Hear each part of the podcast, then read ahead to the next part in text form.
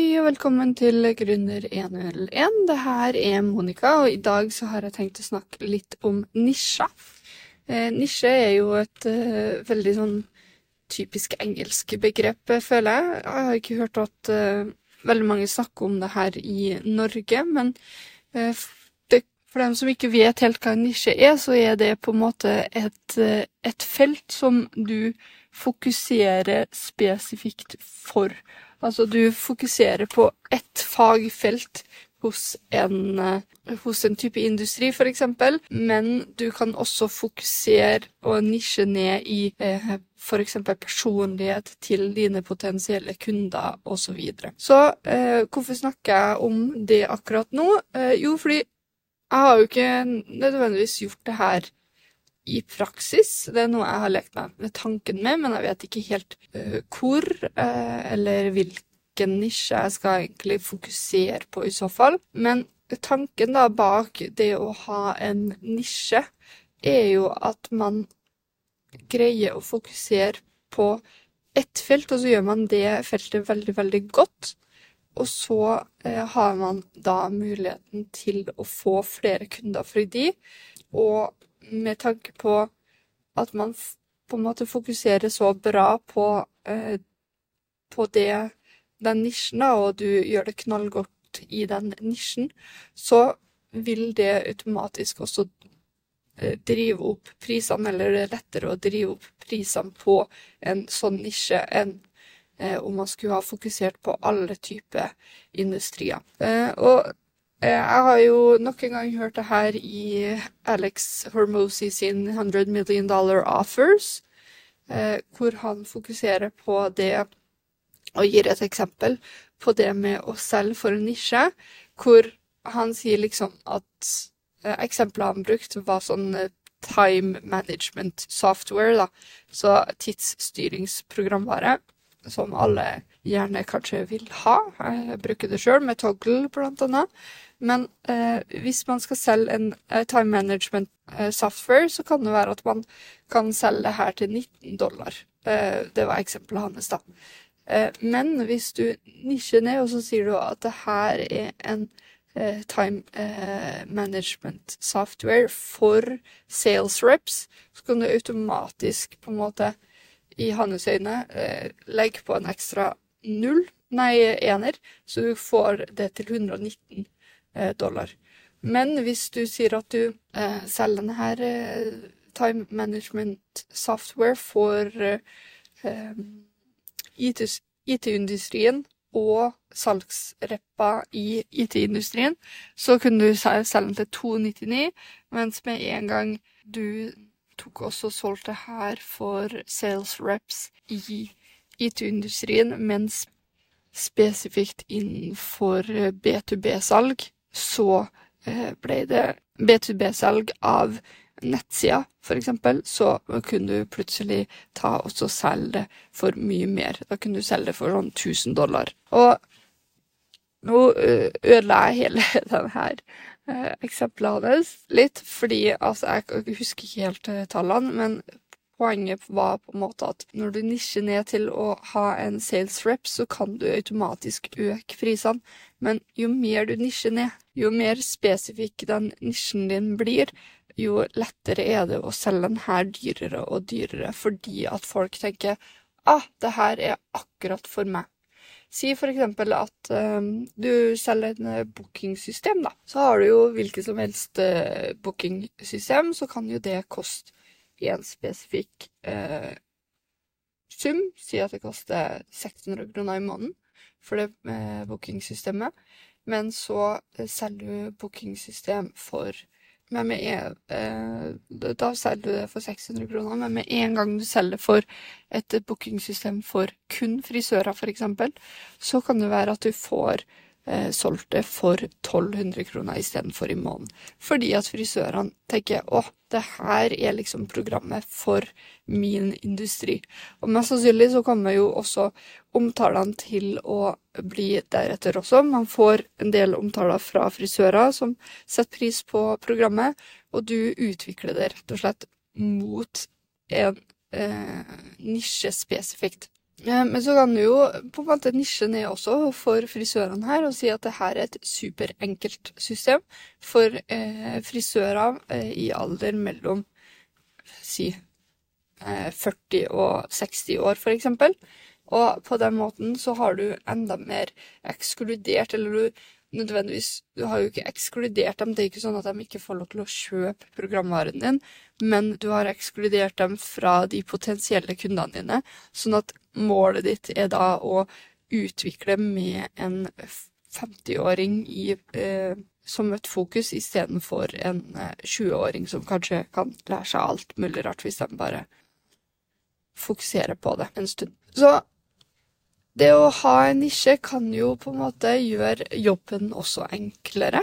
Um, når man har en nisje, så er det jo ikke sånn at du lærer deg fra starten av innsida ut eh, om denne bransjen eller denne fagfeltet, så fremt du ikke har erfaring fra det fagfeltet fra før av. Hvis vi går tilbake til det eksempelet med eh, bookingsystemet for frisører, så kan det jo rett og slett være en frisør som har blitt et eh, som har videreutdanna seg innenfor, eller hva du kaller det, eh, gjort en reutdanning. Eh, du har tatt en ny utdanning innenfor IT, og derfor så har de lyst til å selge eh, IT-programvare eh, for frisører, fordi de har prøvd så ekstremt mange ulike eh, frisør-booking, nei, eller bookingsystemer som frisører bruker, men som ikke er eh, peila rett inn mot de her frisørene og den bransjen og det livet frisørene eh, lever. Og på den måten så er det jo da lettere for, for denne nyutdanna utvikleren å lage et eh, bookingsystem for frisører, enn om de skulle ha laga et bookingsystem for, bookingsystem for elektrikere, f.eks. Så det handler jo litt om at når man på en måte blir velger nisje da, og blir godt kjent med den nisjen, så begynner man å lære seg liksom alt, alt som har med den nisjen, og man lærer seg rutinene, man lærer seg de praktiske delene eh, av den eh, nisjen, og så greier man jo å se på en måte trekk mellom de ulike eh, kundene man har, og de potensielle kundene man kan få. Og så greier man jo i tillegg i de samtalene med de potensielle kundene, så greier man jo å legge inn trekk om at, om at eh, ja, eh, har dere tenkt på at det er lurt å eh, legge inn faste priser for innenfor elektrikerbransjen, da, for hver stikkontakt, f.eks. I det her eh, bookingsystemet, hvor man kan ha mulighet til å klikke på hva man ønsker å ønsker å gjøre i huset, og så blir det automatisk regna ut en pris fordi dere har gjort det så mange ganger at dere vet sånn cirka hvor lang tid det tar, eksempel.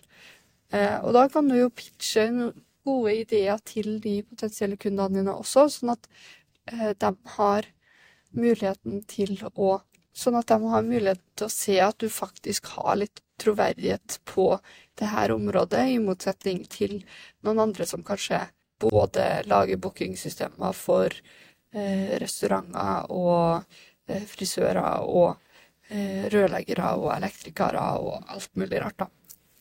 Så hvis man på en måte fokuserer på én bransje, så vil det ofte også gi en ro for, for deg, da. At du ikke trenger å stresse med å lære deg en ny bransje som du skal selge til for så å gå videre til en helt ny bransje deretter. Sånn at eksempel hvis jeg har bare laga nettsider for uh, sportssentre, da, så, så, har jeg jo lært meg akkurat spesifikt den bransjen. Eller hvis jeg har laga uh, nettsider kun for fotografer, så har jeg jo kun lært meg den bransjen, og så har jeg lært meg hvordan, uh, hvordan jeg skulle ha satt opp den nettsida for de folkene. Og da har jo uh, da har jeg jo kunnet fokusert også mer på eh, Google-søkeord og kunne sett på alt det som trengs for å eh, ha muligheten til å få de frisørene til å gjøre en god jobb i sin nisje også, da. I sin bransje.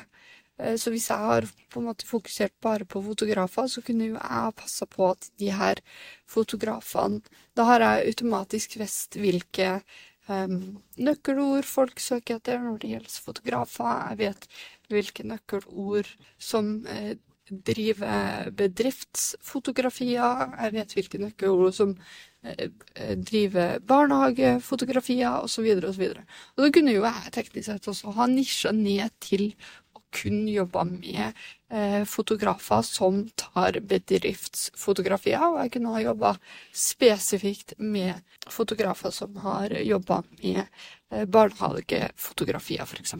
Og eh, man tenker jo OK, men lille Norge, går det her da? Jeg vet ikke. men eh, jeg tenker jo at det kan jo være et, et veldig eh, et, et forsøk, da, fordi det, spørs, det, er jo flere faktorer som eh, går på det her, da. Hvis jeg f.eks.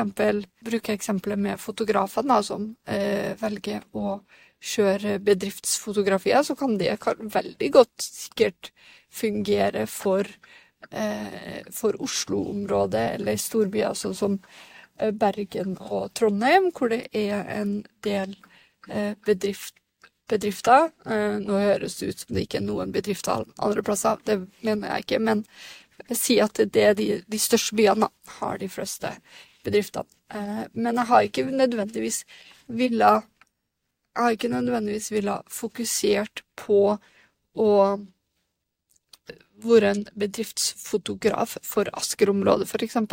Jo, det finnes en del eh, bedrifter i Asker også, men hvis man, hvis man sammenligner Oslo med Asker, så er det jo definitivt flere bedrifter å nå i Oslo, og kanskje litt mer eh, Litt flere av de bedriftene som kanskje har råd til å ta en eh, bedriftsfotograf.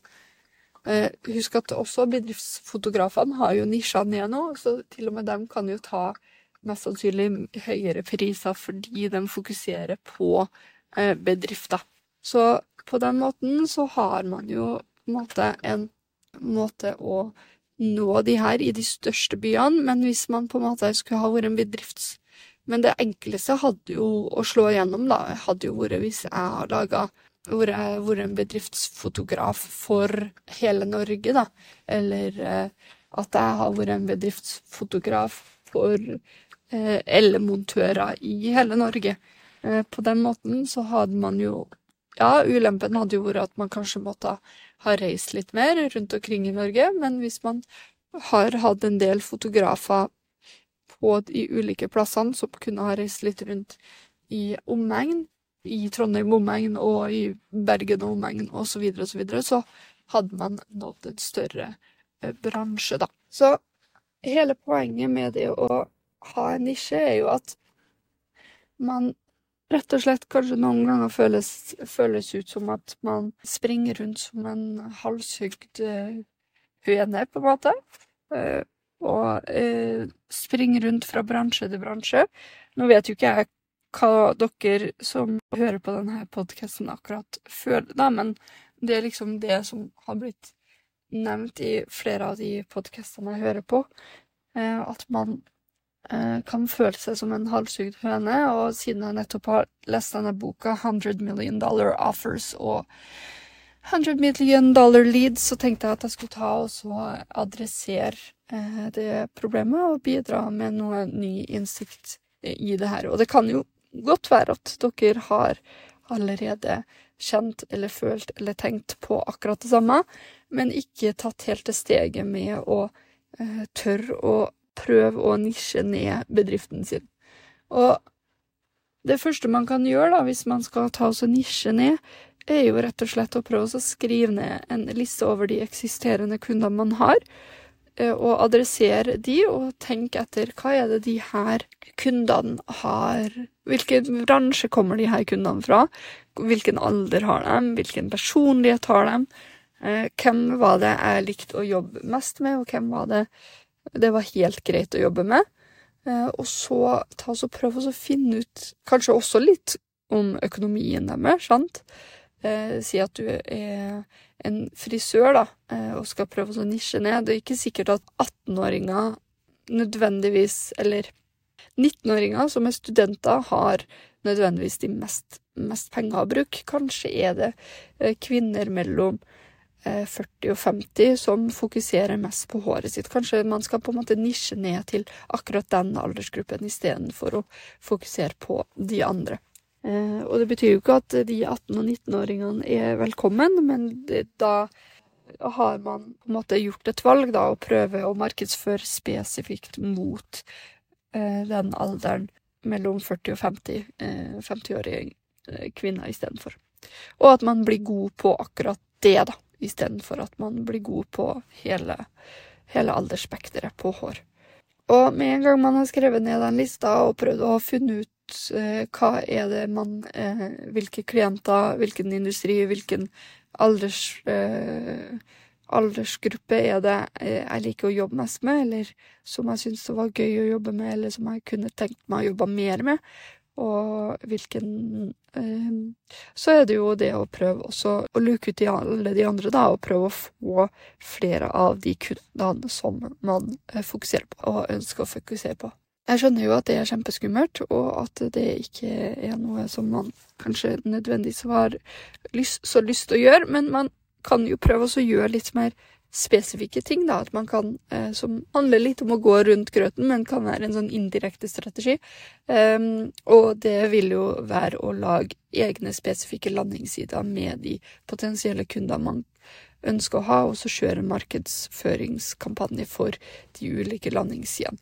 For da kan du kjøre det her på TikTok, Facebook, Instagram, eh, Google Ads og alt det der, og så kan du på en måte se om den bransjen bit. Men da må du jo også i tillegg ha en del kundeomtalelser og bedrifter du allerede har jobba med i den bransjen, og putte det inn på den spesifikke sida. Og så er det jo veldig viktig å snakke spesifikt mot den kundegruppa du eh, faktisk har valgt deg, sånn at de føler at du snakker til dem på den landingssida.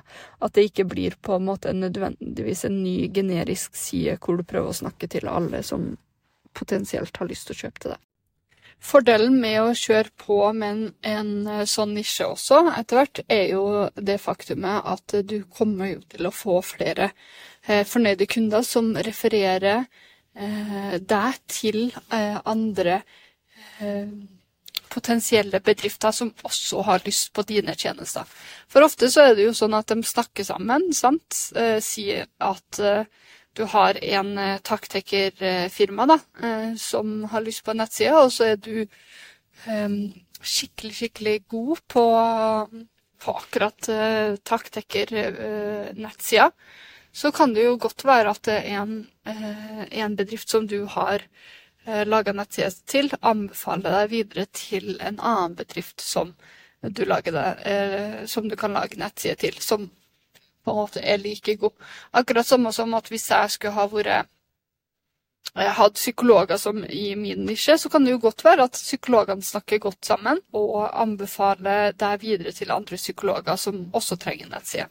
Eh, fordelen er jo også Si at uh, du driver med trening kun for Eh, eller du er en PT da, for kun for eh, ansatte som sitter i ro hele dagen. Si at du er en PT-trener for kun de som jobber på kontor, som jobber på HR-avdelinga på kontor. Så kan jo du skreddersy et opplegg som kun er for HR-ansatte som jobber og har eh, en stillesittende jobb. Sånn at dem, du kan jobbe med dem og deres muskelgrupper, som er ofte inaktiv hele dagen lang, da. Si at uh, de trenger å jobbe med legger fordi at de nesten ikke bruker leggene sine, så kan du på en måte skreddersy et perfekt tilbud for uh, HR-ansatte, og nevne annet at en av de tingene som mister mest muskelmasse i løpet av livet til en HR-ansatt, er f.eks. muskelmasse, men at du har en perfekt treningsopplegg for eh, legger da, i din PT-rutine. Eh, og på, på, den måten så vil jo HR-ansatte anbefale denne PT-coachen videre til noen andre som også trenger en PT-coach som fokuserer på legger, fordi at de er mest sannsynlig også HR-ansatte eller som jobber på et kontor hele dagen. Og på denne måten så får du jo på en måte en del kundeomtalelse etter hvert. Både ved at de henviser andre folk til deg, eller at du eh, kan bruke en del kundeomtalelser også på eh, nettsider som de eh, kan ha nytte av å lese for å finne ut om du er den perfekte for dem. Og etter hvert så trenger du jo kanskje ikke engang å kjøre ads eller annonsering nesten ikke i det hele tatt. Hvis du ikke vil, da. Det er jo alltids mulighet uansett til å kjøre ads, men kanskje du ikke trenger å kjøre ads i samme omfang, fordi at nå kan du basere deg heller på word to mouth eller kundeomtalelser på nettsida, at folk finner deg organisk, rett og slett, eller ved, via referrals istedenfor. Eh, så det å kjøre på med en egen nisje kan være eh, gull verdt når det gjelder eh, sånne her sånne her metoder, eh, hvor du kan få en del fornøyde kunder, rett og slett, med det. Og på den måten så har du også muligheten til å øke omsetninga di betraktelig, fordi at du fokuserer på en kundegruppe hvor du Det er liksom bound to happen at du får fornøyde kunder, fordi at du kan bedriften ut, inn og ut. Og du har jo på en måte tre forskjellige eh, pristyper når det gjelder eh, bedriftsprissetting, og du har jo når du skal sette eh, pris på en vare og tjeneste, du kan jo gjennomføre en kostnadskalkyle for å finne ut hva er pris skal du egentlig sette på, eh, på produktet ditt. Da regner du ut hva det koster å importere varen, hva selve faktiske varen koster, hva, hva for slags driftskostnader har du rundt varen. Altså indirekte kostnader, vil si ansatte eh, og lager og strøm og alt mulig rart. Eh, for så at du legger på en fortjeneste før du setter på en pris. Eh, det er den ene måten man kan sette pris. En annen er jo å sette pris ut ifra eh, konkurranse. Da må man jo se på hva for slags konkurranse som er der ute, og hva konkurrentene tilbyr en vare til. Og den tredje er jo å sette ut ifra kvalitet eller etterspørsel.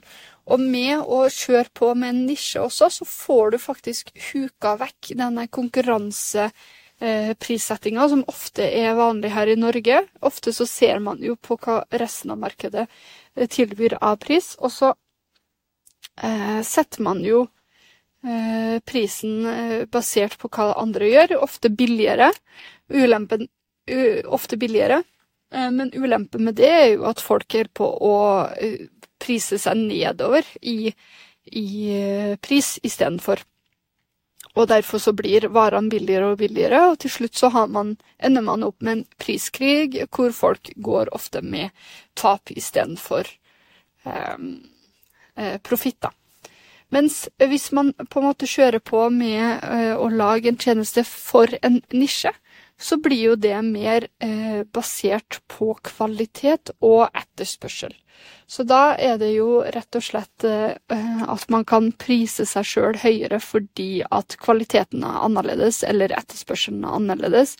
At man på en måte har en unik og spesifikk vare man, eller tjeneste man tilbyr, som ingen andre Eh, tilbyr. Og på den måten så kan ikke dine potensielle kunder sammenligne din tjeneste med en annen person eller en annen bedrift sin tjeneste, rett og slett fordi at eh, det er ikke noen andre som har den tjenesten som, eller varen som du tilbyr noe mer.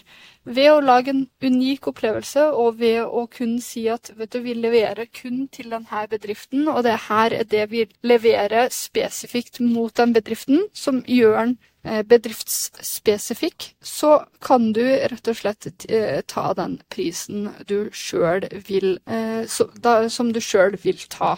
Og selvfølgelig, hvis vi går tilbake til den time management-softwaren som Alex Hormozy brukte Ja, alle kan bruke en time management-software som, som koster 19 dollar. De fleste vil nok starte der og bruke det. Men så kan det jo være at de ser at denne time management-softwaren ikke er gunstig for deres type jobb. Og da begynner jo de å se etter en, uh, mer, en time software som er mer spesifikk mot sin type jobb, fordi de mangler en del features som de gjerne skulle ha hatt i sin jobbhverdag. Og ved å undersøke sånne ting, så kommer de til å oppdage en time management software som er mer spesifikk mot deres nisje, som kanskje mest sannsynlig da har de featuresene som eh, kreves i den bransjen man er i. Og når de da er nysgjerrig på pris, så går de jo selvfølgelig inn på prislista og ser på hva det her koster. Og når de ser at den her koster den ene koster 19 dollar, sier at den andre koster 100 dollar, så kan det mest sannsynlig være at de ikke, ikke, ikke engang tenker seg om på å velge det softwaren, fordi de vet at OK, greit, den, den ene koster 19 dollar, den andre koster 100 dollar, men denne her må jo være mye bedre fordi det her hører til i min bransje. Det her hører til i tømrerbransjen, f.eks. Og da vet jeg at den første time management-softwaren som jeg tok, den eh, dekket ikke de og de behovene, men de utvikla jo selvfølgelig De laga jo selvfølgelig ikke det her for min bransje, men her har jeg endelig funnet eh, en time management software som faktisk ble laga til min bransje. Den her er jo selvfølgelig eh, verdt å teste ut penger på. Ved at flere og flere sånne tester, så får de jo også bekrefta eh, sine muligheter til hva de her tjenestene eller produktene tilbyr i sin bransje. Og da får de også bekrefta at det her er verdt å bruke pengene på, rett og slett. Selv om det koster 100 dollar og 90 dollar mer. Fordi at du på et eller annet tidspunkt så skal jo på en måte nisjen din eh, være så spesifikk, men bidra til så mye at du på en måte hjelper bransjen med å få løst problemet deres på en mer effektiv og lukrativ måte, som igjen vil eh, gi folk muligheten til å tjene inn de pengene de bruker på din programvare, da. Rett og slett. Du, du blir rett og slett ikke en Du blir, blir, ikke en kostnad som folk assosierer deg med noe mer. Og du blir eh, likevel, selv om du er dyrere, så blir du på en måte den personen som løser alle problemene, og som gir folk muligheten til å tjene enda mer penger ved å velge din løsning. Si at jeg lager nettsider som fokuserer kun på elektrikerbransjen, og så har jeg laga så mange nettsider at jeg vet hva det er som driver kundene til eh, en elektrikerbransje, eh, og som gjør til at den personen eh, får henvendelser gjennom kundeskjemaet sitt eller telefon eller e-post. Eh, da har jo en elektriker definitivt valgt meg til å lage den nettsida istedenfor en person som kanskje har laga en nettside for eh, gudene vet hvem, si en restaurantbransje, og som kanskje ikke har helt funnet ut av hvorfor noen klikker på en knapp, og hvorfor noen ikke klikker på en knapp. Hvis jeg har laga 20 nettsider eh, for elektrikere, så har jeg mest sannsynlig da funnet ut av hvilke nøkkelord som skal være der, eh, hvilken tekst som eh, burde være der, hvor alle knappene skal plasseres, og hvilken farge det skal være på knappen, og hvilken ordlyd knappene skal ha. Det bidrar til så mye innsikt som gjør til at verdien på den nettsida kommer til å øke. Fordi at den kommer til å drive inn 30% mer kunder enn en hvilken som helst annen eh, nettside kommer til å gjøre. Og da begynner, kan man jo begynne å regne ut hva er egentlig profitten eller lifetime value av akkurat den kunden som jeg driver inn. Si at enhver en elektrikerbedrift får inn si en, en kundehenvendelse dagen, da med en hvilken som helst person, og så får de inn fem stykker eh, ved bruk av mine tjenester og min nettside. Så eh, vil jo eh, de ha en eh, femdobling av sin verdi eh, ved å velge meg versus å velge en annen. På den måten så kan jo jeg egentlig femdoble min eh, pris på nettsida sammenligna med en annen person som som tilbyr eh, en hvilken som helst nettside, f.eks. Og da burde jo også elektrikeren med glede kjøpe en nettside av meg, selv om prisen er mye høyere. enn de burde ha gjort med en hvilken som helst annen nettsideutvikler. Fordi at de, med meg så er de garantert å få fem kunder om dagen. Så fremt de greier å dekke inn de behovene. Men, men ja, det var bare eksempelvis. Det er mye man kan si om nisje. Det er så mange felt man kan snakke om, og det er så mange elementer man kan snakke om når det gjelder man kan om når det gjelder eh, en, eh, en, eh, å nisje seg nedover til en spesifikk bransje. De fleste gjør det jo ikke fordi at de er redd for hva konsekvensen kommer til å være. Og konsekvensen er jo i, i folk sine, sitt hode, og mitt hode, rett og slett, er at man ikke får noen kunder noe mer. Men da må man jo tenke etter. Hva, hvor er kundene mine? Hvor er min, eh, min markedsgruppe? Hvor befinner de seg? Eh, og så må man prøve å gjøre undersøkelser på hvor mange, hvor mange bedrifter der ute er det som hører til i min nisje, og så prøve å finne ut om det er verdt det å nisje ned. Kanskje du ikke skal nisje så langt ned som å komme deg ned til fem potensielle kunder. Eh, men kanskje du greier å nisje deg ned til å nå 1000 kunder istedenfor, f.eks. Istedenfor at du har en halv million potensielle kunder. Nå sier ikke jeg at dere skal ta oss og nisje ned, eh, og det er ikke sikkert at jeg kommer til å nisje ned, jeg heller. Eh, men det er jo uansett en litt interessant test og gjennomføre, da, og prøve å finne ut om man Hva er det som kommer til å skje hvis man har nisja ned? At det kunne ha vært en slag plan B, en plan B eller en plan C eller en plan D, om noe man kunne ha gjort i fremtida. Bare prøve å leke seg eh, med tanken da, om det her er noe som kan fungere for din bransje eller ikke. Og så finne ut om det her er noe som lønner seg eller ikke. Så det eh, anbefaler jeg eh, virkelig. Og så får man, får man se da, hva, hva, det blir til. Jeg kommer nå uansett til å gjøre denne, eh, denne øvelsen for meg sjøl. Jeg har utsatt den ekstremt lenge nå.